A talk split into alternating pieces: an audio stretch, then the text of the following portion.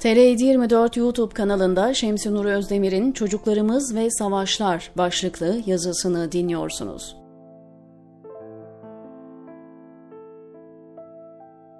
Cihan Harbi'ni gören çocuk dahi olsa ihtiyardır diyor Üstad Bediüzzaman. Savaşların vahşetini, şiddetini, insanların kötülüğünü, yoksulluğu, çaresizliği ne kadar keskin anlatıyor bu ifade hayata ve çevresinde olan bitenlere her zaman masumane bakan, dünyanın gerçeklerini tam kavrayamamış çocuk ruhu daha çok yaralanıyor savaşların, çatışmaların dehşeti karşısında. Duyguları yoruluyor, yaşama sevincini kaybediyor ve sanki 80 yıllık bir ömürde görülecek kadar hadiseye birkaç yıl içinde şahit oluyor çocuklarımız.''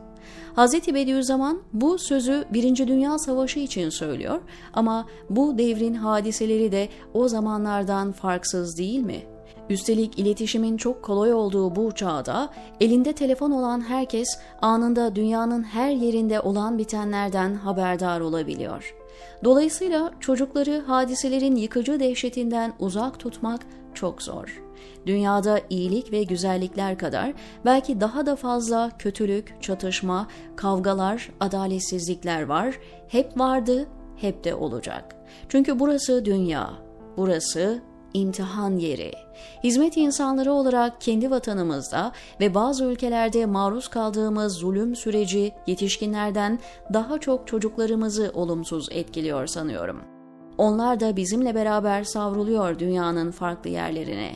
Birer bavul gibi ellerinde tutup ülke ülke taşıyoruz bir sahili selamete çıkma umuduyla. Kimisi geride kaldı, kimisi yollarda.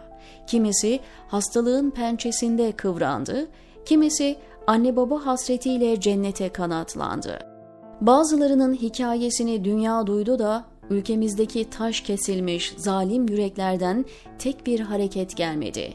Ne Ege'de, Meriç'te kaybolan yavrular, ne hastane odalarında ağlayan Ahmet Burhanlar, Yusuf Kerimler, Züleyhalar, ne anne babası aynı anda tutuklanan beşiz yavruların feryatları donmuş vicdanlara tesir edebildi. Evlatlarımıza da sadece biz ağlıyoruz.'' Türkiye'de kalan çocukların maddi manevi sıkıntılarının yanında sağ salim yeni bir ülkeye ulaşıp yuva kurmaya çalışan ailelerin çocukları da bambaşka sorunlarla yüzleşiyor. Yeni okul, yeni dil, yeni arkadaşlar, dersler ve benzeri derken ne zaman çocukluktan çıkıp ergen oluyorlar, ne zaman hayatı öğreniyorlar farkında bile değiller belki de. Bu süreçten zihnime kazınan, ömrüm oldukça unutmayacağım tablolar ve sözler var. Onlardan birini o zaman 17 yaşında olan oğlum söylemişti. Bu ülkeye yeni geldiğimiz zamanlardı. Henüz başladığı okuldaki arkadaşlarından bahsederken yaşımın 17 olduğuna kimse inanmıyor.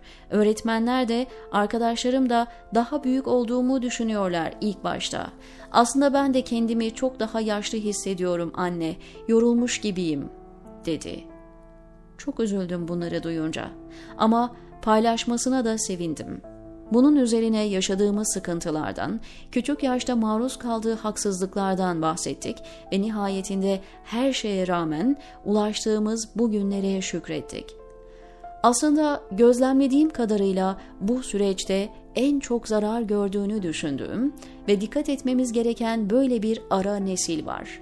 Şöyle ki 15 Temmuz süreci başlarken ne hadiseleri anlayacak kadar büyük olan ne de hiçbir şey fark etmeyen küçüklerin arasındaki yaşlar yani 8'den 16'ya kadar diyebilirim, yaşadığımız haksızlıkları ve zulümleri bu çocuklardan saklamak mümkün değildi.''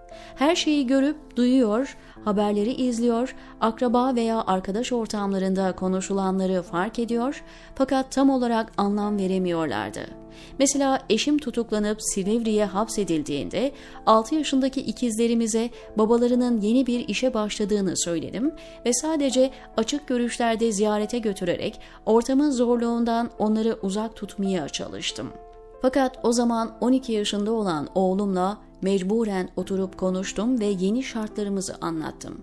Yaşıtlarının aklı oyunda gezmedeyken benim oğlum annesiyle cezaevine gidip babasını ziyaret ediyor, gerektiğinde kardeşlerine bakıyor ve yeni okulunda FETÖ'cü diye etiketlenmemek için çabalıyordu. Kim bilir neler yaşadı, neler hissetti ama bizim zaten üzgün olduğumuzu gördüğü için duygularını pek paylaşmadı.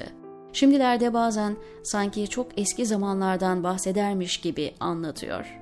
Bu nesil ergenlik hengamesini de bu şartlarda atlattı ve artık üniversiteye girme veya okuyup bitirme, hayata atılma telaşındalar.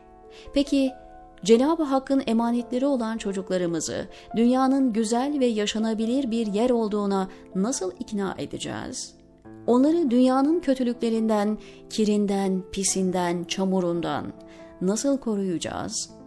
Bunca haksızlık, adaletsizlik, savaşlar ve şiddet varken onlara iyi, erdemli, vicdanlı, saygı ve sevgi dolu bireyler olmaları gerektiğini nasıl anlatacağız?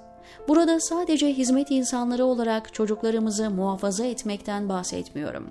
Dünyanın her yerinde zulme uğrayan, kötü muameleye maruz kalan bütün çocuklar bizim çocuğumuz ve onlardan sorumluyuz. Şeker Portakalı'ndaki Zeze'yi hatırlar mısınız? Kitabın sonunda olup bitenleri çocuklara niçin anlatmalı diye soruyordu hani. Ve sonra gerçek sevgili Portugam bunları bana çok erken anlatmış olmalarıdır diyordu. Aynı soruyu ben de kendime soruyorum hep.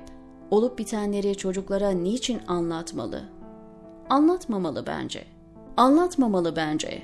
Çocuklar mümkün olduğunca uzun süre çocukluk masumiyeti içinde aile ve çevresinin sevgi dolu kanatları altında muhafaza edilmeli. Bir gün gelecek, zaten kendileri soracak, okuyacak, öğrenecek dünyanın nasıl bir yer olduğunu. Yaşlarından önce zayıf omuzlarına kaldıramayacakları acıları yüklemeyelim. Bırakalım çocuk gibi çocuklar olsunlar, ihtiyar gibi değil. Doyasıya koşsun, oynasın, eğlensinler imkanlar dahilinde. Hani Zeze, hayatın sevilecek yanlarını bana sen öğrettin sevgili Portugam. Şimdi bilye ve artist resmi dağıtma sırası bende. Çünkü sevgisiz hayatın hiçbir anlamı yok, diyordu ya. Biz de hayatın sevilecek yanlarını öğretelim çocuklarımıza. Sevilmeyecek yanlarını zaten başkalarından öğrenecekler, diyor Şemsunur Özdemir, TR724'deki köşesinde.